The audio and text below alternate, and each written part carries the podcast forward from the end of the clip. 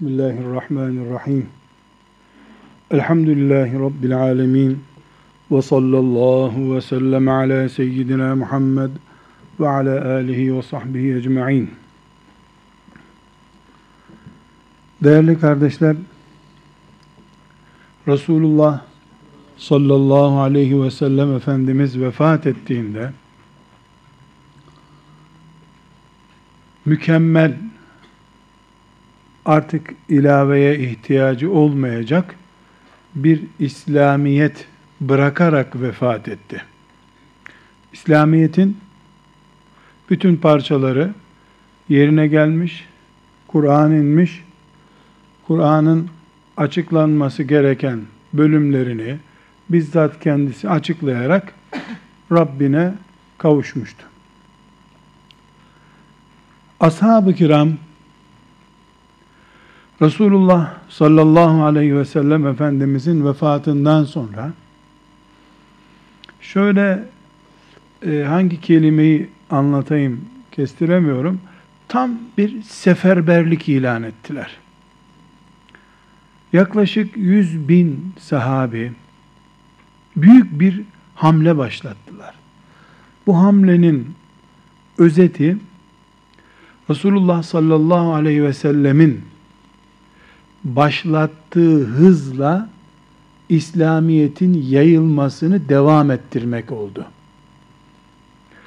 Resulullah sallallahu aleyhi ve sellem Efendimiz vefat ettiğinde İslam Arap Yarımadası'nın tamamına bile yayılmamıştı. Ashab-ı kiramdan en son vefat eden hicretin 110. senesinde vefat etti. Öyle tahmin ediliyor. 110. yılda İslamiyet İspanya'ya kadar Avrupa'da ulaşmıştı. Afrika'nın içlerine Nijerya'ya kadar yaklaşık inilmişti. Hindistan sınırına gelinmişti arkadaşlar. Ashab-ı kiram matematiksel ölçülerle harita ile filan anlatılamayacak bir hız gösterdiler. Asya'yı köy köy dolaştılar. İki iş yapmak istediler. Birincisi Resulullah sallallahu aleyhi ve sellemin yaptığı gibi Allah bir din gönderdi. Gel ebedi cehennemine, cehenneme girmekten kurtul kardeşim sen de Müslüman ol diye tebliğ yaptılar insanlara. Milyonlarca insanın kulağına kelime-i tevhidi dökmeye çalıştılar. Çok müthiş bir şekilde ama. İkinci olarak da bunu sadece bir hoca gibi hani böyle bir din var gel bu dine gir deyip de onun Müslüman olmasını beklemek yerine terslik yapana da kılıç kullandılar. Yani çok güzel de cihad ettiler. Büyük savaşlara katıldılar. Ashab-ı kiramın 10 bin taneye yakını sadece Şam'da şehit oldu, vefat etti. Sadece Şam denen yerde. Ee, Ashab-ı kiramı Resulullah sallallahu aleyhi ve sellem'den sonraki asırda bizim ölçülerimizle 8 saat çalışan, senede 2 ay tatil yapan insanların ölçüleriyle anlatılması mümkün olmayan bir süratle İslamiyet'i yaydılar. Allah onlardan razı olsun. Bu arada arkadaşlar Resulullah sallallahu aleyhi ve sellem İslamiyet'i iki şey üzerinden bıraktı. Hayali bir İslamiyet bırakmadı. İslamiyet'i Kur'an ve sünnetle bıraktı. İslamiyet dediği şey Kur'an'dı ve onun sünneti yani hadisi şerifleriydi. Ashab-ı kiram gittikleri yere bunu götürdüler. Kur'an'ı da götürdüler, sünneti de götürdüler. Allah onlardan razı olsun. Hepsinden razı olsun. Müthiş gayret ettiler. Bilhassa Resulullah sallallahu aleyhi ve sellem Efendimiz'den sonraki 30 sene e, böyle tarifi zor günler yaşattı Müslümanlara. Ashab-ı kiram bir kişinin daha kelime-i tevhidle şereflenmesi için şehadete koştular. Binlerce kilometre kat ettiler. Gece ibadet edip gündüz cihad ettiler. Tarifi zor. Dedim ya 8 saatten fazla çalışamayan bir nesil ne anlar ashab-ı kiram? Binlerce kilometre nasıl gitti geldiler? Nasıl cihad ettiler? Bunu bizim böyle kitaplardan okurken bile tahayyül etmemiz çok zor. Hicretin birinci asrının sonuna doğru yani Resulullah sallallahu aleyhi ve sellem Efendimiz'den bir asır sonra ashab-ı kiramın bu yoğun cihadı bir boşluk çıkardı ortaya. Bu boşluk şu. Ashab-ı kiram iman konusunda Resulullah sallallahu aleyhi ve sellem Efendimizin de Allahu Teala'nın kitabı Kur'an'ın da imanlarına şahitlik ettiği kimseler. Bir sıkıntı yok. Ancak gidip fethettikleri burası İslam toprağıdır dedikleri yerlerde başka dinlerden gelmiş Mecusilikten, Zerduşilikten, Hristiyanlıktan gelmiş insanlar Müslüman oldular. Burada çok önemli bir nokta var arkadaşlar. Burayı izah etmek istiyorum. Ashab-ı kiram ki çoğu Mekkeli ve Medineli müşriklerden oluşuyordu. Resulullah sallallahu aleyhi ve sellem'den önceki dönemde hiçbir din mensubu değildiler. Sağ, yani Mekkeli bir müşrik demek, daha sonra sahabi olan bu insanlar, daha önceki Mekke'deki halleri demek, bildiği şey deve, kadın, içki, hurma, deve, kadın, içki, hurma, deve, kadın, içki, hurma. Bu kadar. Bildiği başka bir şey yok bu dünyada. Din böyle bir şeyler anlamıyor. Medeniyet, kültür, uygarlık, sanat, galeri, showroom böyle şeylerle alakaları yok. Hiçbir şey bilmiyorlar. Çok müthiş edebiyatları var. Şiir üstüne şiirler yazıyorlar. Bir hayalet İbrahim Aleyhisselam diye bir dedemiz var diye bir şeyler biliyorlar. O da kendilerine göre bir şey. Din yok, medeniyet yok. Temizlik haftası yok. Fuar yok, showroom yok. Böyle bir hayat anlayışları yok. Tekrar sayıyorum. Kültürleri kadın, alkol, e, insan öldürmek, kılıç, bir miktar at, deve, hurma. Bu kadar. Sözlükte bunlar var. Böyle bir medeniyetleri var. Bu medeniyetsizlik bir devlet yönetimi, uygarlık zeminine oturmadıkları için 23 senede Resulullah sallallahu aleyhi ve sellem bütün şirki sıfırladı, yeni bir medeniyet kurdu. Ama Mekkeli müşriklerin dışındaki Müslüman olan kavimler üzerinden bin seneden fazla geçtiği halde imanlarından hala hidrellez midrellez numarasıyla ateşten atlıyorlar. Hala kalkmadı cahiliye gelenekleri. Hala kapılarda boynuz vardır Anadolu'da. 1100 sene oldu neredeyse Alparslan'ın e, fethettiği ya da Anadolu'nun İslamlaştığı dönem hala koç boynuzu hem de kurbanda kesilmiş koçun boynuzu kapıya asılır. Hala Kurdoğlu soyadı yaygındır. Hala hayvanın erkeği dişisine göre üstündür. Boynuzda hala uğur vardır. Minarelerdeki alem bile boynuz sembolüdür hala. Hilal değildir. Yukarı doğru bakan hilal olmaz çünkü. Hilal sağa veya sola bakar. Yani bu ne biliyor musunuz? Mesela Türkler, İranlılar, Hindular Müslümanlıkla şereflendiklerinde 2000-3000 yıllık bir medeniyetin üstünde oturuyorlardı. Bu ne demek arkadaşlar? Züccaciyeciden alınmış bir bardak düşünün. Hafif bir bezle silsen ayran içilir onunla. Ama biraz önceki yemekte kullanılmış bir bardağı güzel bir yıkamadan onunla bir daha bir şey yiyip içemezsin. E, Mekkeli müşrikler sıfır medeniyettiler. Çok kolay oldu Efendimiz sallallahu aleyhi ve sellemin onların kafasını temizlemek. Ya bırakın bu pis işleri bunlar put, odun atın bunları da attılar. Üzerinde sanat değeri yok, bir şey yok. Baltayla yontmuş bir taşı tapınıyor. At bunu dedi attı. Ama Hazreti Ömer radıyallahu anh varda mecusilerin ateşini İran'da söndürdüğü için üzerinden 1350 sene geçti. Hala Ömer ismine düşmanlıkları vardır. Müslümanlıkla şereflendikleri halde. Çünkü onu bir ateş olarak görmüyorlar. Bir medeniyet timsali olarak görüyorlar ki bir bin yıllık değil, üç bin, dört bin yıllık bir medeniyetin bir günde söndürüldüğünü içine sindirmesi çok. Evet mecusiyiz filan demiyor kimse elbette ama yani yürekte kolay kolay bunu kabul etmiyor. Şimdi bu nokta inşallah iyi anlaşılmıştır umuyorum. Ashab-ı kiram daha önce bir batı kültürü, doğu kültürü, kapitalizm, sosyalizm, faşizm böyle bir şey görmemişlerdi. İnsan olarak, medeniyet olarak, ahlak olarak Muhammed Mustafa'yı sallallahu aleyhi ve sellem gördüler, kopyası oldu çıktılar onun.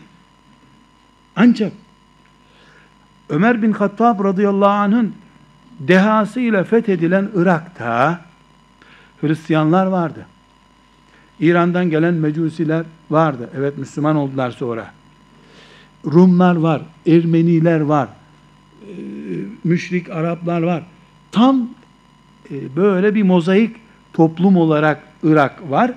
Bu Irak'ın e, bu haline İslamiyet gelip monte edilmek istendiği zaman ashab-ı kiram gelip Abdullah İbni Mesud onların başında radıyallahu anh gelip Irak'ta İslamiyet'i monte edeceği zaman, insanlara İslamiyet vereceği zaman Şimdi Mekke'de Resulullah sallallahu aleyhi ve sellem inen bir ayet bir saatte oradaki ashaba öğretiliyordu. Abdullah İbni Mesud Irak'ta bu işi yapabilmek için 5 saat kafasındaki uyduruk İncil'i silmesi gerekti. 3 gün 5 gün geleneklerinden koparması gerekti onu. Ondan sonra temiz bir şey koyuyorsun.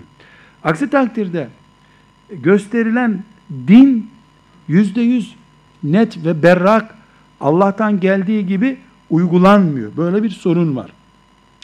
Ee, İslam coğrafyası birinci asrın sonunda Medine, Mekke, Irak, Şam ve Mısır'dan oluşuyor. Yemen var ama Yemen e, yerhamukallah büyük oranda Yemen Mısır kültürüne bağlı. İşte Taif var, Taif Mekke'ye bağlı ama ana merkezler Medine, Irak olarak tayin edilebiliyor. Ee, birinci asrın sonundan itibaren de Mısır'da üçüncü bir büyük İslam merkezi hem kültür açısından hem siyaset açısından hem de askeri e, konum açısından bu üç yer çok önemli. Bu üç yerde İslam yoğun bir şekilde yaşanıyor. Dediğim gibi birinci asrın sonuna kadar hemen hemen her ay bir ülke fethediliyor. Büyük bir hızlı gelişme var. Fakat içten içe de bir sorun kaynıyor. Gelenler, Müslüman olanlar zerduşlu, berduşlu, zübbeli sıfırlayıp gelmiyorlar. Belli bir miktar e, kendi kültürleriyle geliyorlar. Bunu arkadaşlar günlük hayatımızda şu şekilde örneklendirirsem çok iyi anlayacaksınız. Şimdi biz bir çocuk bize Kur'an öğrensin diye getirildiğinde en büyük zorluğumuz ne biliyor musun? Çocuk nenesinden Kur'an okuduysa vay o hocanın haline. Gayril mağdubi düzelttirmek için Fatiha'nın yeniden inmesi lazım. Oğlum gayri de tamam hocam gayri. Ulan gayri, gayri, gayri, gayri gitti Kur'an. Babam Allah selamet versin bir amcaya Kur'an öğretiyor. 40 senelik hikaye. Ee, adam Yugoslavya'da Kur'an öğrenmiş. Orada bir miktar icazet de almış. Bak hoca iyi okuyor mu ben demiş. Ee, babam da demiş, hoca efendi şeddeleri iyi tutmuyorsun sen demiş. Ben mi şeddeyi tutmuyorum demiş. Kendine göre hata değil çünkü. O normal şedeyi tutuyor. Yani beyinde mevcut bir mekanizmayı söküp yeni bir mekanizma koymak ev tamir ederken de böyle. Sıfırdan bir inşaat yapmak mı kolay? Mutfağı söküp tamir ettirip yeni şekil vermek mi kolay? Ashab-ı kiram kendileri boş kafayla geldiler ki Resulullah sallallahu aleyhi ve sellemin Arap Yarımadası'ndan gönderilmesinin hikmeti de budur. Eğer İran'a gönderilseydi, Anadolu'ya gönderilseydi 23 yılda hurafeleri tüketemezdi. Çaput bağlamaktan kurtaramazdı Anadolu'yu. 23 yıl buna yetmezdi. Çünkü yaygın bir kültür var. Deveden başka bin çeşit hayvan var. Kurdu var, boğası var, danası var. Hayvan dolu her yer. E bu yüzden Efendimiz sallallahu aleyhi ve sellemin 5-10 nedeni var. Arap Yarımadası'ndan gönderilmesinin en önemli nedenlerinden bir tanesi de e, medeniyeti olmayan, uygarlığı olmayan bir batıl veya muharref bir şeye bağlı olmayan insanlara gönderildiği için yontulmamış ağaçları koydu plan yanının üstünde mobilya yaptı onlardan. Bir haftada mobilya üretti. Sallallahu aleyhi ve sellem. Irak'ta böyle bir e, hüküm, bir sıkıntı ortaya çıktı. Medine'de ki durum tam bunun tersi. E, Efendimiz sallallahu aleyhi ve sellem'den sonra ashabın yaşlı olanları, cihada gidemeyenler veya Hazreti Ömer'in dışarı çıkamazsınız. Siz burada kalıp İslamiyet'in özünü koruyacaksınız diye bekletti. Allah razı olsun. Çok muazzam bir siyasetle ashabın, alimlerinin Medine dışına vizesiz çıkmalarına izin vermemiş. İzin alıp gidebilirsiniz demiş. Siz Resulullah'ın gözdesi insanlarsınız. İslamiyet sizin sağlığınızda sizden istifade etsin demiş. Müthiş. Ömer bin Hattab radıyallahu anh demek siyaset demek arkadaşlar. Deha demek. Allah ondan ve hepsinden razı olsun. Ashab-ı kiram Medine'de kaldıkları için Medine yani 50 sene, 60 sene, 100 sene hatta 150. yani Abbasiler dönemine kadar 150. seneye kadar Efendimizin günlerini hep yaşadı. Ezanlar aynı, her şey aynı, tartışma yok, ihtilaf yok. Medine'de böyle bir atmosfer.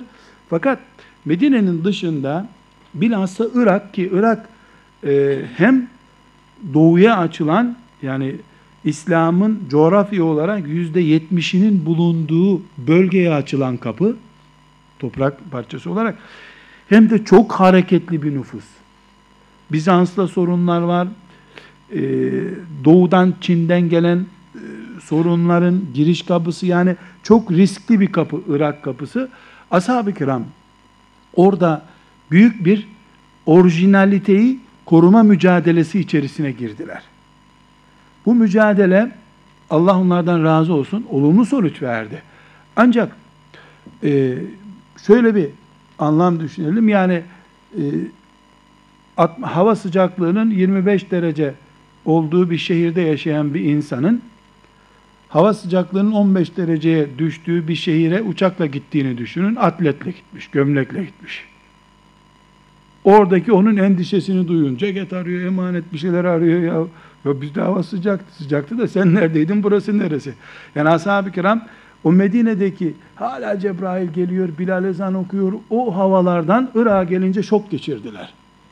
O zaman da Irak fitne kaynağıydı şimdiki gibi. E, her halükarda e, Abdullah İbni Mes'ud radıyallahu anh Ömer bin Hattab'tan etkilenmiş bir sahabidir.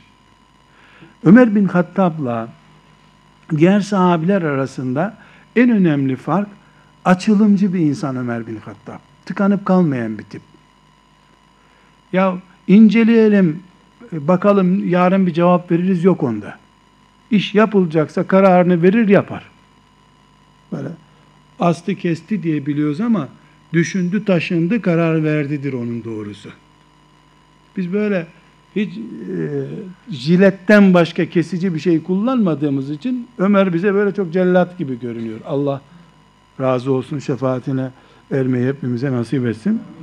Her halükarda Abdullah İbni Mesud e, ashab-ı kiramın dört Abdullah'ından bir tanesi ve en çok hadis rivayet eden ilk ondaki sahabeden biri taktik olarak düşünce, mantık olarak Ömer bin Hattab'dan etkilenmiş bir sahabedir.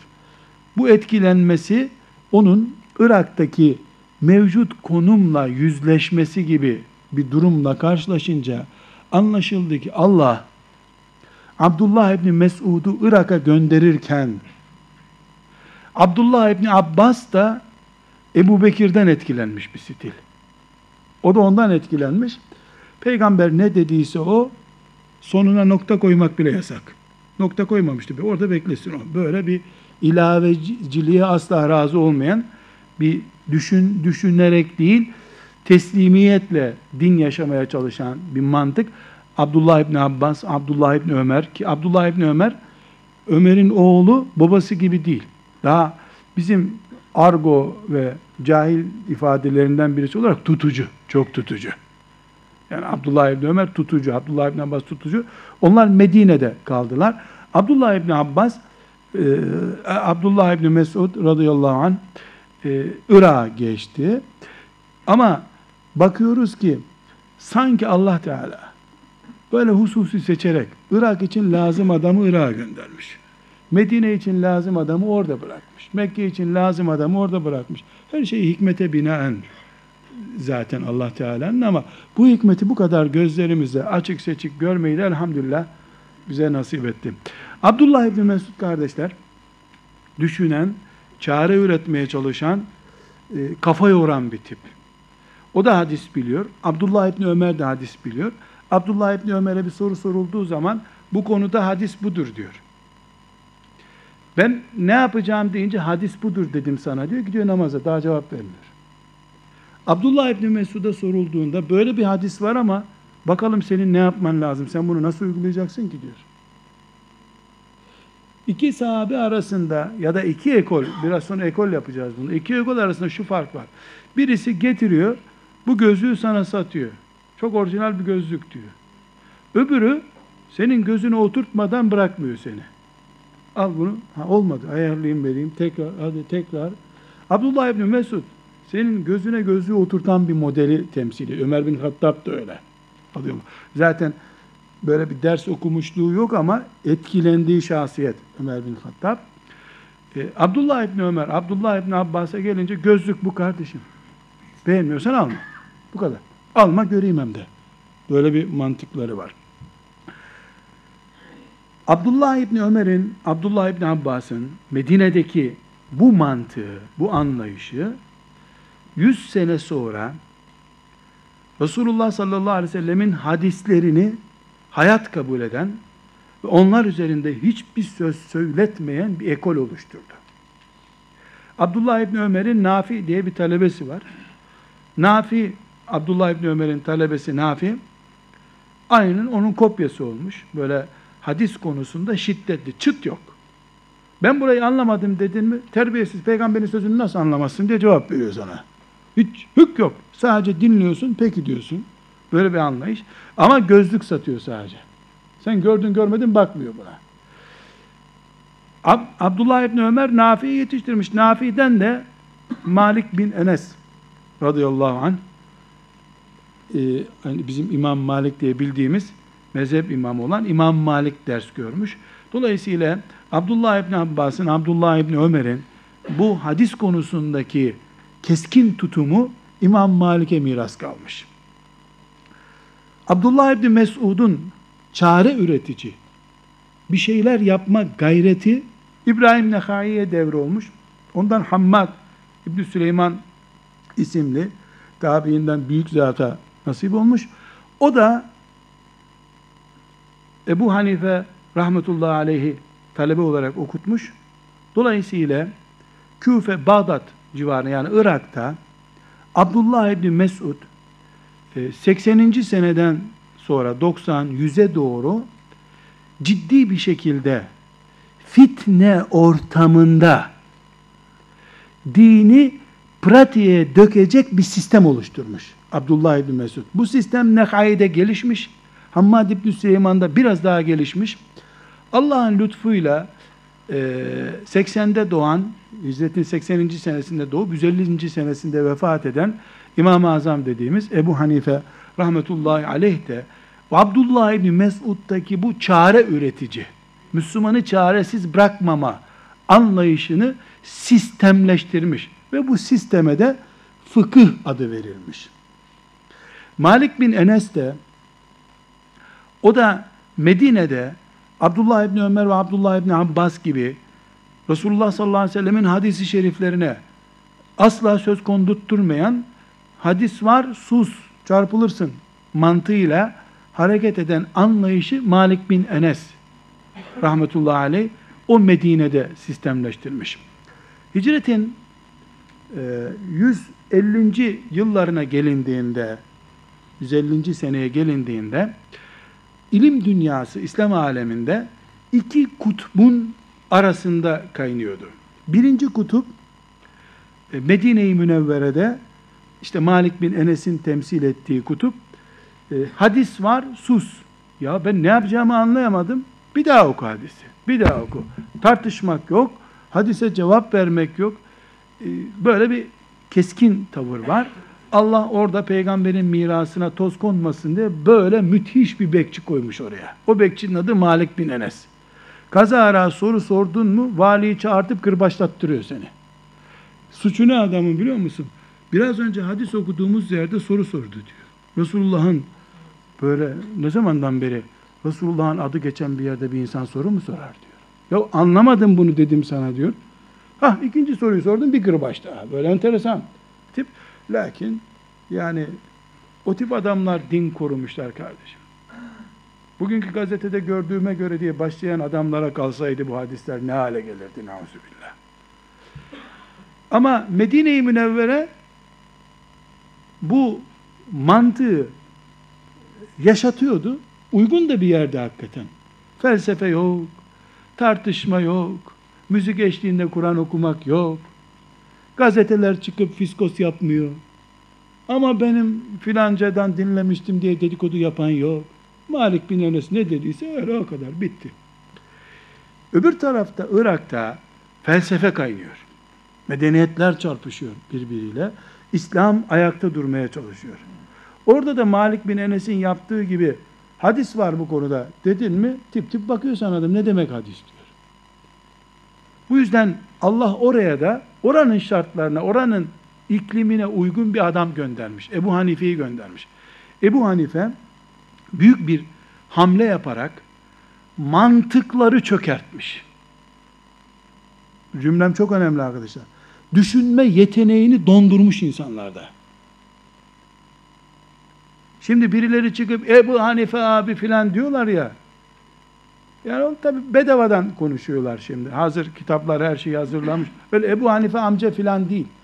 Bu telefon, telefon kırıcı şeyler var ya salonlara onu koyuyorlar bir daha telefonlar çalışmıyor. Ebu Hanife'nin sağlığında insanlar düşünüp konuşma yeteneklerini kaybetmişler. Denmiş ki ya şu caminin direği taştan görüyoruz bunu. Ebu Hanife bu altındır dese tartışmaya gerek yok ispat eder onu zaten diyorlar. Böyle bir yetenek verilmiş. Fakat 150. seneye gelindiğinde bir kutuplaşma söz konusu olmuş. Medine'dekiler bu ne rezillik? Önüne gelen hadislerin yanında konuşuyor. Bağdat, eyvah battı buradaki Müslümanlar diye düşünmüşler. Bağdat'takiler de siz ne yapıyorsunuz ya? Dinin anlaşılmaması için çalışıyorsunuz herhalde diye onları tenkit ediyormuşlar. Bunu ilmi adıyla yani İslam tarihindeki adıyla hadisçiliğin tenkit edilmesi, çok hadisle insanların boğulmaya çalışılmasını tenkit edilmesi olarak yorumlayabiliriz Medine'deki durumu. Onların da e, özel e, düşüncelerinizi de dine katıyorsunuz. Ashab-ı diyorlar. Görüşlerini, düşüncelerini dine katan adamlar diye. O da onlar da onları tenkit ediyor. Halbuki İslamiyet o hadislerin korunmasına da su kadar, hava kadar muhtaç. Medine'deki hadislerin korunmasına. Ebu Hanife'nin mantığına da muhtaç. Yani bu dışarıdan gelmiş insanlar hadis ayet nedir önce buna inanıyor olmaları lazım. Bu sıkıntı arkadaşlar e, ithamların e, biraz birbirlerini üzmesine sebep olacak kadar büyümüş o dönemde büyümüş. Sonunda meğer Allah'ın planı hazır. Hicri 150 yılda 150. senede e, Ebu Hanife rahmetullahi aleyh vefat, asas adı Numan'dır. Ebu Hanife Numan. Vefat ettiği sene Muhammed bin İdris diye bir çocuk doğmuş Gazze'de. Gazze bugünkü e, işgal edilmiş Filistin topraklarımızdaki cihadın merkezi elhamdülillah. E, Muhammed bin İdris aslı Mekkeli, babası iş bulmak için Gazze'ye gitmiş. E, orada babası o doğduktan sonra da babası da vefat etmiş. Kureyş'ten Resulullah sallallahu aleyhi ve sellemin e, dördüncü, beşinci nesilden itibaren amcaları, dayıları birleşiyor. Böyle akraba oluyorlar. Muhammed bin İdris Eşşafii El-Mavslibi e, asas ismi 150'de doğmuş. 204'te de vefat etmiş. Böylece kaç sene yaşamış? 54 sene yaşamış. Kardeşler, Muhammed bin İdris rahmetullahi aleyh şu işi yapmış. Medine'ye gitmiş. Medine'de İmam Malik'ten ders okumuş. İki buçuk, üç sene kadar. Oradan İmam-ı Malik'i kopyalayıp geri gelmiş. Biraz sonra vakit kalırsa İmam Malik'le buluşma hatıralarını e, okunmakta yarar görüyorum. E, 22 yaşındayken İmam Malik'ten icazet almış. Ondan sonra bir sebeple 30 yaşlarındayken Yemen valisi olarak tayin edilmiş. O arada da Abbasiler kendi medeniyetlerini kurmaya başlamışlar. Bir jurnallama sonucu e, valilikten azlediliyor, zincirlenerek Bağdat'a gönderiliyor. İdam edilmek üzere. Muhammed bin İdris Eşşafii'den söz ediyorum. Bağdat'ta o günlerde e, İmam-ı Azam'ın talebesi olan Ebu Yusuf Kadıl Kudat yani Yargıtay baş hakimi e, onun arkadaşı Muhammed bin Hasan Eşşeybani de o da onun civarında ilmi çalışmalar yapıyor. Zincirle Bağdat'a getiriliyor. Elleri kelepçeli, ayakları zincirli. Yemen'den Bağdat'a getiriliyor. Orada e, Harun Reşit'le görüşmek için sarayda işte tutukluların bekletildiği bölümde beklerken bir yolla Ebu Yusuf'la ve Muhammed bin Hasan, İmam Muhammed diye bildiğimiz İmam-ı Azam'ın ikinci büyük talebesi olan Muhammed bin Hasan'la buluşuyor. E, ne yaptın, ne ettin, kimsin derken e, ilim dikkat bir arada birleştirici bir rol oynuyor onlarda. E, Muhammed bin Hasan'ın çok dikkatini çekiyor. Sonra Harun Reşit'le e, görüşüyor. Harun Reşit haksız olduklarını, şikayetçilerin yanlış olduğunu anlayıp bunu serbest bırakıyorlar derken gidiyor Muhammed bin Hasan'ı buluyor. E, sen Ebu Hanife'nin talebesi misin? Evet. Derken oturuyor ondan da fıkıha ait ilimleri alıyor. Hatta Muhammed bin Hasan gideceği zaman bu diyelim ki otelde kalıyor ya da işte bir caminin köşesinde cebindeki harçlığını verip Muhammed bin Hasan'ın kitaplarını emanet alıyor. Versene bana sen Ebu Hanife'den ders okuduğun notları diyor. E, kapara olarak da ya da rehin olarak da parasını harçlığını veriyor. Sabahleyin gelince kitapları tekrar geri veriyor. Bu şekilde e, ortalama 4-5 yılda çeşitli sebeplerle Bağdat'a gidip geldiğinde İmam-ı Azam'ın en büyük talebelerinden olan e, Muhammed bin Hasan'la aynı zamanda Züfer diye bir talebesi var. Onunla da buluşarak Bağdat ekolünü de özümsüyor. Ve 199 yılında Mısır'a geliyor. E, son 5 senesi Mısır'da. Son 5 senesinde rahmetullahi aleyh meşhur Şafii mezhebi olarak bilinen mezhebi kuruyor diyoruz. Biz de onun kurduğu filan yok. Fakat şu işi yapıyor.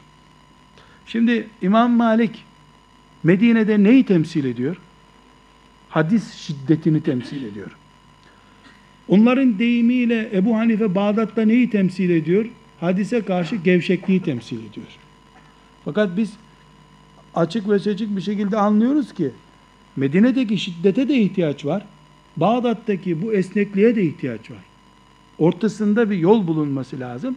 Muhammed bin İdris Eşşafii rahmetullahi aleyh geliştirdiği sistemde hadisi İmamı Malik kadar ciddi gördüğü halde Ebu Hanife'deki ne kadar fıkıhtan gelişmiş sistem varsa onları da alıyor. İkisinden üçüncü bir ekol çıkarıyor. Aslında üç mezhep vardır. Biri Ebu Hanife'nin mezhebidir. Biri İmam Malik'in mezhebidir. Ahmet bin Hanbel de İmam Malik'in bir uzantısıdır. Bazı alimler zaten onun e, mezhep imamı olarak saymazlar. Fıkıhla ilgisi yok diye saymazlar. Hadis alimi, hadis ağırlıklıdır çünkü. Üç mezhep vardır. Bir, hadis ekseninde dönen, dolayısıyla yüzlerce meseleye cevap vermeyen bir mezhep. Maliki mezhebi. Hanefi mezhebi vardır. Özellikle e, fıkıh konusunda iştihatlarıyla yaygın bir mezheptir. Bir de bu ikisindeki özellikleri kendinde birleştirip hadisi de ihmal etmeyen, Ebu Hanife'deki mantığı da yakalayan üçüncü bir ekol var. Bu da Muhammed bin İdris Eşşafi'nin ekolüdür. Kardeşler, e, yani bu kadar kolay gördüğünüz gibi olmadı bu işler. Yani Muhammed bin İdris rahmetullahi aleyh yetim bir çocuk olarak hayata atılmış. 54 sene yaşamış. 1200 senedir milyarlarca Müslüman onunla Allah'a ulaşmaya çalışıyor. Kendisine ait çocukluk hatıraları var. Ee, o hatıraların bence çok değeri var, çok önemli şeyleri var. Ee, fakat Muhammed bin İdris'te yani İmam Şafii'de bugün bizim için çok lazım olan önemli bir şey var. Bir, anne çok enteresan. Tıkandık gene anneye geldik. Anne kocasından kalan neyi varsa çocuğunu okutmak için, çocuğunun eğitimi için harcamaya razı olmuş. Bakmış ki en iyi hocalar o dönemde Mekke'de var.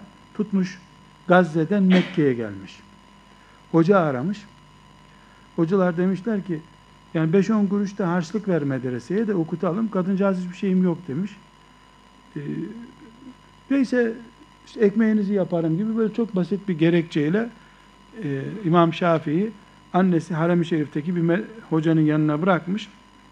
6 yaşında arkadaşlar bırakmış. Sonra 7 yaşına gelince annesine hafız olarak dönmüş. Hafız, hafız olmuş. Bir senede müthiş bir hafızlık yapmış. O hocasına ait hatıralarını anlatıyor. Yani müthiş bir zekadan söz ediyor arkadaşlar.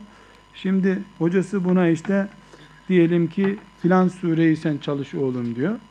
O o sureyi çalışacak ya. Öbür talebeye de hoca öbür sureyi oku diyor. Bunun kafası karışıyor. Onu da ezberliyor arada çünkü. Sıra ona geldiğinde orada ders okuyan herkesin dersini de okuyor.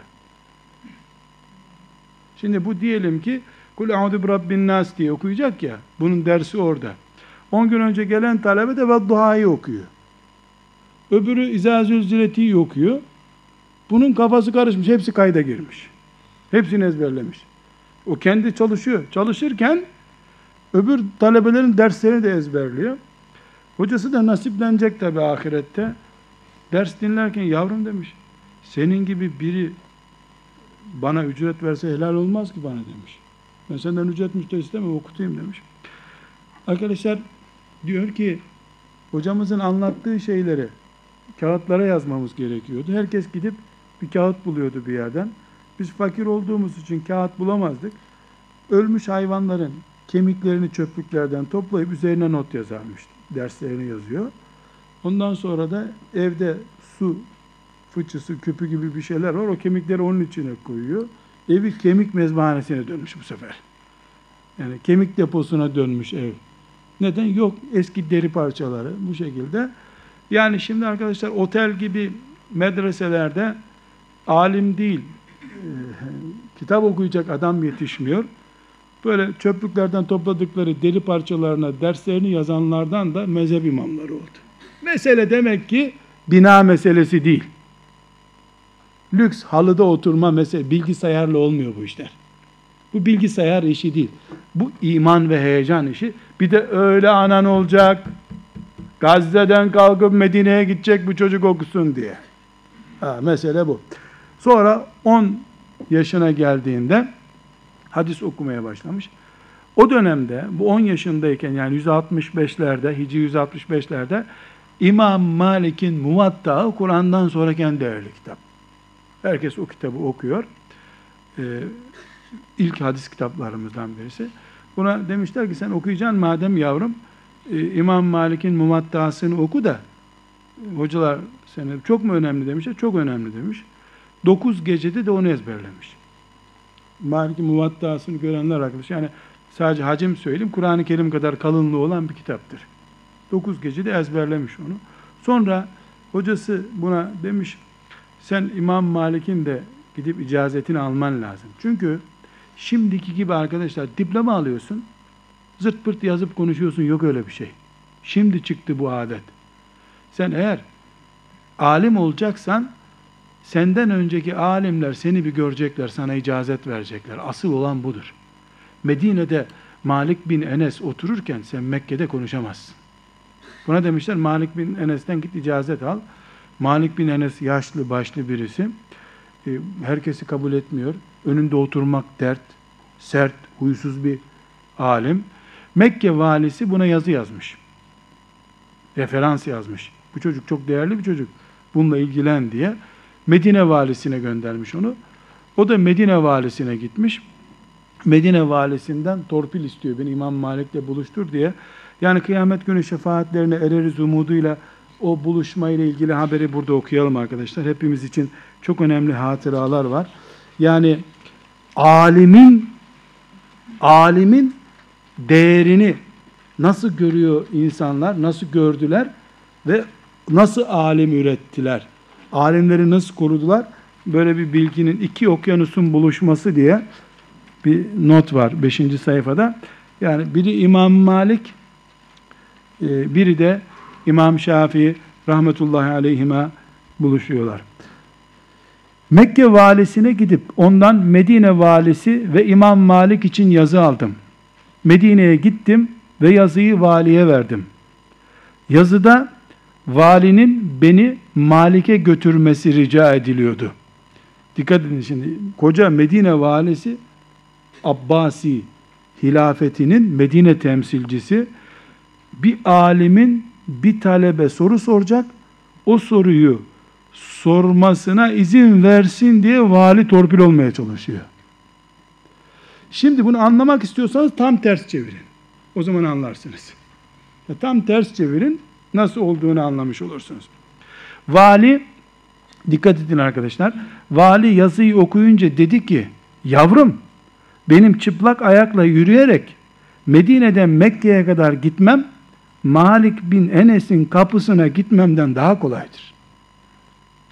Ben onun kapısında duracak biri değilim. Ben de dedim ki Allah Allah haber etseniz de yanınıza gelse ya bu şimdi kim olduğunu anlamıyor. E, telefon et gelsin. Söyle gelsin. Mesaj gönder gelsin. Toplantı var de. Dedi ki nerede?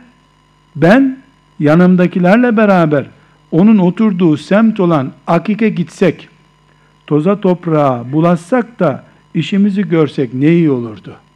Yani adam o mahalleye girmeyi şeref kabul ediyor. Akik diye e, şimdi Medine-i Münevvere'de mezarlığın e, Cennetül Baki'in e, arkasında küçük bir mahalle var. Orada oturuyor İmam Malik. Gece kondusu var. Orada oturuyor. Toz toprak içinde bir yer demek ki. Oraya gidip ayağımız yüzümüz tozlansa ona da razıyım diyor. Yeter ki içeri soksun bizi. İkindi vakti için sözleştik. O vakitte de gittik. Tam dediği gibiydi. Akike üstümüz başımız toz toprak oldu. Biri öne çıkıp kapıyı çaldı. Şimdi vali gidiyor, korumaları falan var işte gidiyorlar. Biri çıkıp öne çıkıp kapıyı çaldı. Siyah bir hizmetçi çıktı karşımıza. Vali ona Malik'e benim kapıda olduğumu söyle dedi. Hizmetçi girdi ve gecikti. Bir zaman sonra çıktı ve şöyle dedi. Efendim size selam söylüyor. Kim efendim dediği? Malik. Malik'in hizmetçisi bu. Eğer ilmi bir mesele soracaksa onu bir kağıda yazsın, cevap yazalım. Özel bir görüşme ise ders vakitlerini biliyorsun o zaman gel dedi. Geri göndermiş. Vali dedi ki Ona söyle yanımdaki Mekke valisinin yazısı var. Yanımda Mekke valisinin yazısı var. Önemli bir konuyu görüşeceğim. Hizmetçi girdi ve elinde bir oturakla çıktı. Oturağı yere koydu. İmam Malik otursun diye. Rahatsızdı çünkü. Bir de Malik karşımıza çıktı. Heybetli ve dikti. Uzunca boyu ve yaşlı hali vardı. Sakalı uzun ve bakımlıydı. Üzerindeki özel elbisesiyle oturdu. Vali ona yazıyı verdi. Yazıyı eline aldı, okumaya başladı. Kimin yazısını okuyor? Mekke valisinin referans yazısını okuyor. Bu adam İmam Şafii'yi kastederek, İmam Muhammed bin İdris'i kastederek vali diyormuş. Bu adam özel durumu olan biridir. Ona hadis okutabilirsin ifadesine gelince elindeki yazıyı attı ve dedi ki Subhanallah artık Resulullah sallallahu aleyhi ve sellemin hadisi mektup aracılığıyla mı okunur oldu?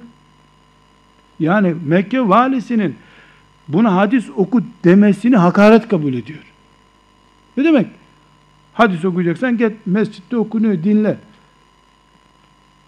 Vali dondu kaldı. Konuşamadı. Ben biraz öne çıktım. Durumumu ve Kureyş'ten olduğumu anlattım. Buzları eritiyor dikkat et şimdi. Ben Kureyş'ten bir çocukum deyince Malik bitti. Niye? Peygamberin ailesi çünkü. Kureyş'ten olduğumu anlattım. Feraset sahibi biriydi. Sözümü dinleyince bir zaman bana baktı. Adın ne dedi? Muhammed dedim. Sonra dedi ki Muhammed Allah'tan kork ve günahlardan uzak dur. İlk nasihat. İleride iyi bir halin olacak. Yarın gel beraberinde de sana okuyacak birini getir. Yani muvatta imtihanı yapacak bunu şimdi. Git bir kitap bul gel bir yerden diyor. icazet verecek. Ben okuyabilirim dedim. Ertesi gün gittim. Elimde kitap olduğu halde okumaya başladım. Ne okuyor şimdi? İşte birinci hadisten başlıyor. Taharet hadisinden böyle aşağı doğru okuyor. Ezber okuyor. İmtihan oluyor. Yani 3000'den fazla tekrarları çıkarılmış 3000'den fazla hadis var. Onları sırayla okuyor. Sonra onun heybetinden çekinip ara vermek istedim. Okumam hoşuna gitmişti. Oku delikanlı oku dedi. Birkaç günde Muvatta'yı okudum. Malik bin Enes ölünceye kadar da Medine'de kaldım. İcazet aldığı için de onu terk edememiş bu sefer. İki okyanus böyle buluşmuş. Yani İmam Muhammed bin İdris rahmetullahi aleyh Malik bin Enes'ten icazetli İmam-ı Azam'ın talebelerinden de bu anlamda özellikle bu anlamda icazetli böyle muazzam bir buluşma olmuş. Kardeşler zekası, e, gayreti, annesinin heyecanı, Kureyş'ten olup Efendimizin aleyhissalatü vesselam nesebinden olma şerefi ki çok muhteşem bir şey. Hepsinden öteye e, İmam Şafii'de arkadaşlar diğer rakiplerini diyelim ya da onun gibi alimleri önünde ezip geçen şey ki nitekim 199'da Mısır'a gittiğinde Mısır'da Maliki mezhebi vardı. Yani İmam Maliki mezhebi orada raiçteydi. 2000 202'de e, Maliki mezhebini hemen hemen sildi oradan. Hocasının mezhebi halbuki. Ama İmam Şafii'nin mezhebi falan yok. Biraz sonra değinmeye çalışacağım. Mezhep meselesi değil bu. Hak bildiği şeyi savunma meselesi. İmam Şafii'nin en önemli özelliklerinden biri arkadaşlar müthiş bir şair. Aylarca çölde yaşamış. Çölde niye yaşıyor bilin bakalım. Köylülerin Arapçasını öğrenmeye çalışıyor. 17 yaşında çıkmış, 21 yaşlarında çölden dönmüş. Çobanlarla oturmuş, deve çobanlarıyla kalkmış, sanat öğrenmiş. Ee, yani bir dönem şiiri bırakma ihtiyacı hissetmiş. Diyorlar ki eğer İmam Şafii yani şiiri bırakmasaydı bir daha kimse şairim diyemezdi bu dünyada.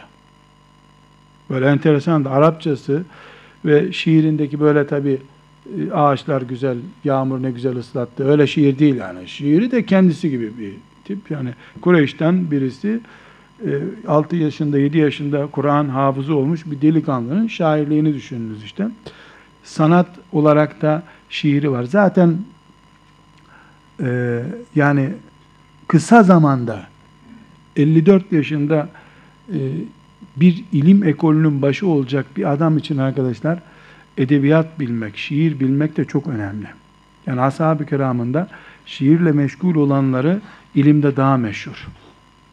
Edebiyattan anlayanlar daha çok dertlerini anlatmışlar. Ee, İmam Şafii rahmetullahi aleyh arkadaşlar e, çok enteresan yönü var. Kimse bunu davet etmediği halde gitmiş valiye müracaat etmiş Mısır'da. Cihat şerefiyle e, ölmek istiyorum. Bana bir nöbet tutacak bir yer göster demiş. O da tutmuş Kahire'den İskenderiye bunu tayinini çıkartmış. İskenderiye'de e, liman nöbeti vermiş buna. Talebesi Rabi var. İmam Muhammed nasıl e, bu Hanife'nin talebesi, Rabi de onun talebesi. Bütün İmam Şafii'nin böyle gölgesi olmuş, her şeyini ezberlemiş. Allah ondan da razı olsun. Bu serveti bize ulaştırmış tabi. O da onunla beraber gitmiş. Bir Ramazan cihat nöbeti tutmuş. Gayesi ölecek, şehit olarak gidecek. Öyle bir derdi var. Gitmiş. Rabbi diyor ki, o bir aylık zaman zarfında hiçbir namazı nöbet yerinde kılmadı. Hep şehirdeki en büyük camiye gitti. Sahilden şehrin içine 3-4 kilometre namaza gidiyor, 5 vakit güya nöbete gidiyor işte. Anlayış. Ve Rabbi 60 hatimini saydım o Ramazan'da diyor. Bir gündüz bir gece Kur'an hatmediyor. Böyle bir insan. İmam Şafii'nin arkadaşlar en büyük özelliği müthiş müştehit. İmam-ı Azam'la e, aynı koltuğa oturacak müştehitlerden biri rahmetullahi aleyh. E, bu iştihat gücüne rağmen İmam Malik düzeyinde muhaddis. Ama İmam-ı Azam'la en önemli farkları İmam-ı Azam hadis seçen bir alimdir. Gazetede çıktı bir hadis oradaki öğrendiğime göre böyle demiş peygamber dedirtemezsin İmam-ı Azam'a. Eleği çok ince. O yüzden İmam-ı Azam'da Kur'ancılık daha üsttedir. Önce ayetleri şöyle bir tarar. Ayetlerin içinden cımbızla hüküm çıkarır. İmam-ı Azam'da mantık budur.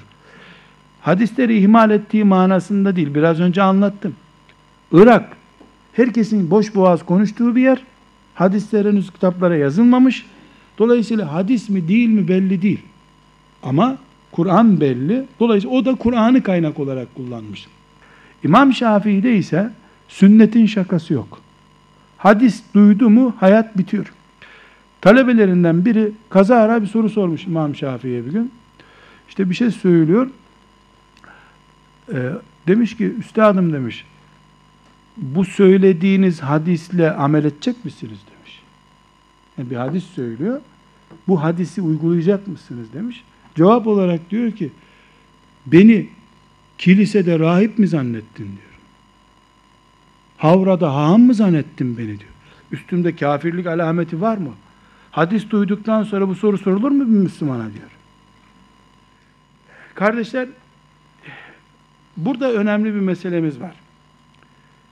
Hanefilik, Şafiilik dolayısıyla bir mezhep kavramı gündeme geldi. Benim vaktim bitti. Vaktine hulfetmek isteyen birisi değilim.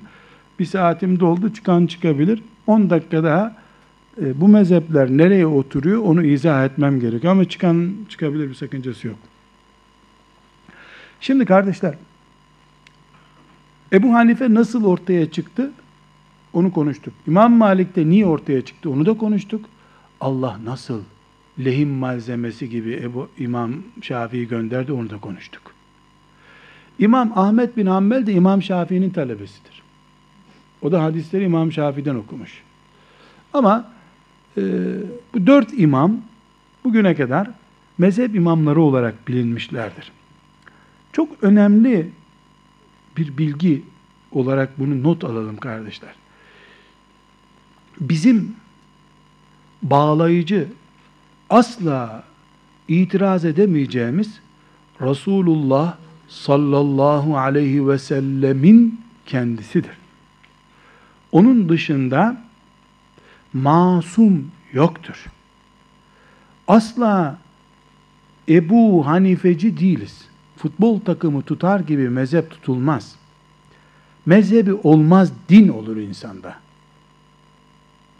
Müslüman olursun veya olmazsın. Şafii Müslümanlığı diye bir şey olmaz. Hiçbir Allah kulu mezhepleri dörtle de sınırlandıramaz. Bu da mümkün değil. Bir defa Efendimiz sallallahu aleyhi ve sellem benden sonra dört mezhep çıkacak, beşincisinin kafasını koparın mı dedi. Böyle bir şey yok. Allah ve peygamberi çalışın, dinim için çalışın dedi. En çok çalışan dört kişi sivrildi. Bu kadar basit. Eğer bugün Ebu Hanife kadar Kur'an'ın kelimeler arasından cımbızla hüküm çıkaracak kadar ilmi olan birisi varsa bu asrın Ebu Hanife'sidir. Mezhebi haktır. Hiç kimse ona bir şey diyemez. Bir şartla diploman Hollanda'dan olmayacak kardeşim. Ümmeti Muhammed'e intisap etmiş olacaksın. Hahamdan fıkıh okuduğunu duymayacağım ben. Hafız değilsin. Fatiha suresinin kaç ayet olduğunda hala tereddüt ediyorsun. Altı da olabilir. Bazen altı diyorlar ya. Diyecek Fatiha suresinin ayet sayısını bilmiyorsun. Sen sen konuşma. Sen Kur'an'ın daha Fatiha suresini anlamıyorsun. İçtihat edemezsin. Bizim İmam-ı Azam'ı geçememek gibi bir derdimiz yoktur. Geçilemez bir kişidir. Ashab-ı kiramın da sahabiliği geçilemez. Ebu Bekir'e de ayrıcalık tanımış. Efendimiz sallallahu aleyhi ve sellem ümmetimin imanı bir kenara Ebu Bekir bir kenara demiş. Onun dışında Halid İbni Velid'in derecesini sahabilik hariç geçmek mümkündür arkadaşlar. Ebu Hanife'yi geçmek mümkündür. Muhammed bin İdris'i geçmek mümkündür. Ahmet bin Hanbel'i geçmek mümkündür. Hiçbir sakıncası yok bunların. Lakin geçtiğine sen değil beyefendi. Senin müritlerin, senin ders okudu burs verdiğin talebelerin değil. 14 asır sonra Müslümanlar karar versin. Ne dediğim anlaşılıyor değil mi arkadaşlar? Yani bir Müslümanın çıkıp Hanefi olmayan sapıktır demesi sapıklıktır. Ne demek Hanefi olmayan Müslüman? Nereden bu ayrıcalık çıktı? Birbirinden üstün hiçbir mezhebimiz yoktur bizim. Bu cümleleri yarısı sapık olan mezhepler için bile kullanmamıştır alimler. Birbirleri için bunlar bunu kullanmadılar ki biz nasıl kullanacağız? Aynı şekilde yani bir mezhebi körü körüne taklit etmeyi yanlış gördüğümüz gibi Ebu Hanife'yi çiğnemek de bir sapıklık türüdür. E biz direkt Kur'an'a gidelim, Ebu Hanife'yi niye aramıza koyalım? Bu ne demek? Ebu Hanife kalksın beni oturtun buraya demek. Otur, bir itirazım yok. Otur. Ama sen gasp etme, ümmet seni seçsin oraya getirsin. Çünkü hiçbir mezhep imamımız, Ebu Hanife'miz, Muhammed bin İdris'imiz ellerinde üyelik formu dolaşarak mezheplerine üye toplamadılar arkadaşlar. Benim mezhebim vardı demediler. Hatta Ahmet bin Hanbel sorulan sorulara bile cevap vermedi. Peşimden gelir insanlar benim ölümümden sonra peşimden gelirler adım çıkar diye korktu. Bunlar mezhep kurmaktan ödleri patladı zaten. Ebu Hanife rahmetullahi aleyh kendi sağlığında kürsüsünü Ebu Yusuf'a verdi. Ebu Yusuf ben böyle düşünmüyorum dedi sen bilirsin dedi. Yani parti kurar gibi, dernek kurar gibi köy derneği kurdu. Sen de bize üye olsana filan, aidat öde filan. Böyle bir şey mezhep demek değil. Ümmet bağrına bastı Ebu Hanife'yi. Muhammed bin İdris'i ümmet bağrına bastı. Allah ilimlerine bereket verdi. İhlaslarından dolayı diktikleri fidan milyarlık meyveler verdi. İhlastan dolayı. Dolayısıyla bir Müslüman çirkin bir cüretle Ebu Hanife'ye dil uzatırsa Allah onun dilini keser. Lakin öbür Müslüman da peygamber mevkiine çıkarırsa Ebu Hanife'yi Ebu Hanife ile uğraşır kıyamet günü en azından. İkisinin ortası nedir? Haddini bilmektir. Seviyeni bilmek. Sen bir defa henüz Cuma namazın kılındı oldu mu olmadı mı bunu bile halledememiş bir Müslümansın kardeşim. Neyi hallettin? Faizden hala kurtulamadın. Kızına alfabeyi başörtüsüz e, okutturmak zorunda kaldın. Bunu halledemedin. 1300 seneden beri ümmeti Muhammed'e hizmet etmiş, ilimle, takva ile örnek olmuş insanları nasıl karşına alırsın sen? Herkes haddini bilsin. Bu açıdan bakıldığında. Lakin o tarafa çekerken de çok çekme koparırsın diyoruz. Bu tarafa çekerken de çok çekme kopar diyoruz. Koyu bir Ebu Hanifecilik de yok. Koyu bir Şafiicilik de yok. Hiçbiri şöyle bir şey dememiştir. Bir Şafii işte 40 gün hamamda yıkandıktan sonra Hanefi olabilir. Yuh be! Bir kelimeyle Yahudilikten İslam'a giriliyor. Ayıp. Ayıp. Allah'tan hayal. Ne yapıyorsun sen? Ne yapıyorsun? Yahudi bile mel'un, la'in, habis bir millet olduğu halde La ilahe illallah dese cennete giriyor, Müslüman oluyor. Lan bu Şafiilik, Hanbelilik bu kadar uyuz bir mezhep mi ya? Ne terbiyesizlik bu. Böyle bir şey olmaz. Allah'a sığınırız, hayal ederiz bunu. Bir de onlar böyle bir şeye razı değiller. E, biraz önce konuştuk arkadaşlar, İmam Malik'in önüne torpille girebildi İmam Şafii. 20 sene sonra da İmam Malik'in yerine kendi konuşmaya başladı. Kimse bir şey demedi ona. Niye? Önemli olan Allah'ın kitabına hizmet etmek, Kur'an'ı bir sayfa daha fazla okutturmak. Bunu yaptılar. O yüzden de bereket gördüler. İnsanlar onların peşinden gitmekten haz duydular. Sen burs dağıtma öğrencilere bak bakayım ne kadar değerli hoca oluyorsun. Burs dağıtarak internet sitesinden oy topla alim sayıl.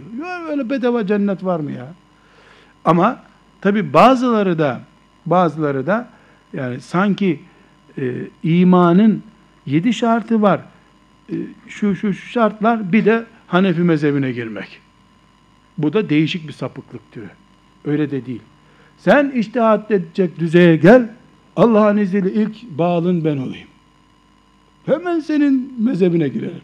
Yeter ki ulan bu sapık zamanda birisi Kur'an-ı Kerim'le haşır neşir olsun. Hadis-i şeriflerle haşır neşir olsun. Ama bir şartla ha. Tercümesinden okumayacaksın hadisleri. Öyle küçük bir şartım var. Lan hadisi şerifi daha tercüme. Latince harflerden hadis okuyorsun. Dur ya. Sen Latince harflerden okuyorsun. Kur'an-ı Kerim'i Latince mealden okuyorsun. E ondan sonra da e, filan surede böyle dedi. Dur da sen sureyi karıştırma. Bu nedir arkadaşlar? Büyüklerin işine çocukların karışmasıdır. Bu böyle bir şey olmaz. Bizim mezhebimiz filan olmaz. Mezhep de bir seviye meselesidir. Kimin mezhebi olur? İmam Muhammed'in mezhebi vardı. Hocası Ebu Hanife'nin mezhebindeydi. Biz sanki şey okur yazar olduk da bir de mezhep çıktı araya. Ne demek mezhebim var benim? Bu alimlerin hepsini gördüm. Muhammed bin İdris'e, Malik bin Enes'e, Davud-u Zahiri'ye baktım. Bunların içinde Ebu Hanife en doğrusu dedim. Ha, mezhebin olur senin. La sen baban Hanefiyim dediği için Hanefi oldun sen. Kazara baban İspartalıyım dese İspartalı olacaktın. İsparta mezhebi diye mezhep çıksa İsparta mezhebinden olacaktın. Doğru bir hareket değil. El hak e, insanlar yani kendisi top oynayamaz da top oynayan takımla avunur ya mezhebi de bu şekilde tartışma konusu haline getiren yanlış iş yapıyor. Yani biz Allah'ı, peygamberini ve onların sevdiği, ikisinin sevdiği ashab-ı kiramı öne çıkarırız. Örneğimiz onlardır. Onların gerisinde kim Rabbimin dinine hizmet ettiyse biz onun kapısında bekçiyiz. Hizmetkarız.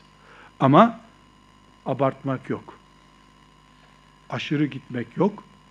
Diyelim ki kazara Ebu Hanife yanlış yaptı. Ebu Hanife'nin dediği yanlıştır desem dinden çıkar mıyım? Eğer dinden çıkar, sapık, mezhepsizse en büyük mezhepsiz İmam-ı Azam'ın talebesi Ebu Yusuf'tur. Hocasının yüzde yetmiş görüşlerine katılmıyor. Açın herhangi bir fıkıh, herhangi bir ilmihal kitabını, Ömer Nasuh İlmen'in ilmihalini açın. Ortadan bir sayfa açın. Yüz meselesinden yetmiş tanesinde Ebu Yusuf'un görüşü farklıdır. Mezhepsiz herif. Mezhepsiz. Öbür mezhepsiz de İmam Muhammed'dir. Ebu Hanife'ye karşı çıkmış. Diyebiliyor muyuz böyle? Estağfurullah. Öyle değil. Niye öyle demiyoruz? Ya bir defa İmam-ı Azam yavrum çalışın siz de bir şeyler söyleyin diye gayret etmiş. İmam-ı Azam'ın dini değil ki. İmam Muhammed'in dini değil ki. İmam Malik'in dini değil ki. Onlar insan üstü denecek çapta. Böyle matematikle tartılamayacak çapta büyük bir gayret gösterdiler. İhlaslıydılar. Allah yollarını açtı. Melekleri arkalarından desteklettirdi. E, kıyamete kadar hizmetleri devam ediyor. Hürmet eder, saygı eder, minnet eder. Kendimizi büyük lütuf görmüş kabul ederiz. Onların mirasının bize ulaşmış olmasından lakin çizgileri aşmamak lazım. Sağdaki çizgileri de soldaki çizgileri de aşmamak lazım. Mezhepsizlik veya mezhepçilik diye bir şey yok. Müslümanlık var. Resulullah'ın aleyhissalatü vesselam ümmeti olmanın hakkını vermek var. Öbür türlü şeyler arkadaşlar e, köylülerin e, birbirlerine yaptığı ithamlar düzeyinde basit şeyler. Ümmetin büyük sorunları var. Büyük dertlerimiz var. Bir defa cahillik var kardeşim. Kur'an'ı unutmaya başladık. Hadisi şerif nedir unutmaya başladık. Böyle teferruata ait basit şeylerle. Evet aslında belki basit değil ama ben can derdindeyim ya sen benim tırnaklarımı neyle keseceğimi soruyorsun. Can derdindeyim kardeşim ben. Bırak tırnağımı mırnağımı benim. Saçımı kaşımı bırak. Benim canım derdi. imanım gidiyor. Evlerimizde çocuklarımızı Müslüman olarak yetiştirip yetiştiremeyeceğimizi dert ediyoruz biz. Ulan yeni bir kanun çıkar da 18 yaşına çıkarsa Kur'an okutma yaşı ne yapacağız diye derdimiz var. Sen ulan Hanefilik gidersem Ahmetlik Mehmetlik gelirse diye diyorum bana. Hayır hayır. Büyük hedef hepimize yeter. Allah'a giden bütün yollar hepimizin yoludur. Aradaki küçük istasyonlara falan takılıp kalmak küçüklüktür ve selam. Allah bu büyük insanların bu himmeti büyük, derdi büyük. Yarım asra 12 asır sığdırmış. Yarım asır arkadaşlar. Eğer dünyanın 10 asrı daha varsa hala İmam Şafii o. Çünkü gelen asır eski asra göre değerini düşürmüyor. Yani mesela 100 sene önce Muhammed bin İdris çok meşhurdu. Yıldızı söndü şimdi. Hiç duydunuz mu? İnternet geldi, internette meşhur oldu. Matbaa geldi, kitaplarda meşhur oldu. Hacca gidersin, orada meşhur. Kıyamete kadar artarak devam ediyor. Hanefilik, İmam-ı Azam. Burada var ya, Hanefiyiz, işte Nurattin Hoca mezhepsiz falan diyorlar ya. Aman ya Rabbim o adamları Hindistan'a falan götürsen, Hanefi değil diye onları çöpe atarlar. Yani, uzak diyarda, o Asya'nın uzak tarafında Hanefilik, aman ya Rabbim böyle ürkütecek düzeyde. İnsanlar İmam-ı Azam'ın neredeyse kıllarının sayısını hesaplıyorlar. Böyle bir temessük var, bağlılık var. Ne sayesinde ama sen Bağdat'ta gayret edersin, himmet edersin. Ondan sonra Allah senin Hindistan'da çocuğuna çamaşır almaya parası olmayan adama bile senin sevgini kalbine koyar. O çocuğuna iç çamaşırı almaya para bulamaz, senin kitabını alır okutur çocuğuna. Ne sayesinde? Allah'ın sende gördüğü ihlas sayesinde. Ama biz bu meseleyi sokak tartışması seviyesine çekersek, şu mezhep hak, bu mezhep yanlış bir şey bu. Yanlış bir şey. Önemli olan bizim dinimizdir. Önemli olan Resulullah sallallahu aleyhi ve sellem Efendimiz'dir. Allah bu büyük insanlarla beraber e, Efendimiz sallallahu aleyhi ve sellemin Havzu Kevser'inde buluşmayı hepimize müyesser kılsın. Ve sallallahu ve sellem ala seyyidina Muhammed ve ala alihi ve sahbihi ecma'in velhamdülillahi rabbil alemin.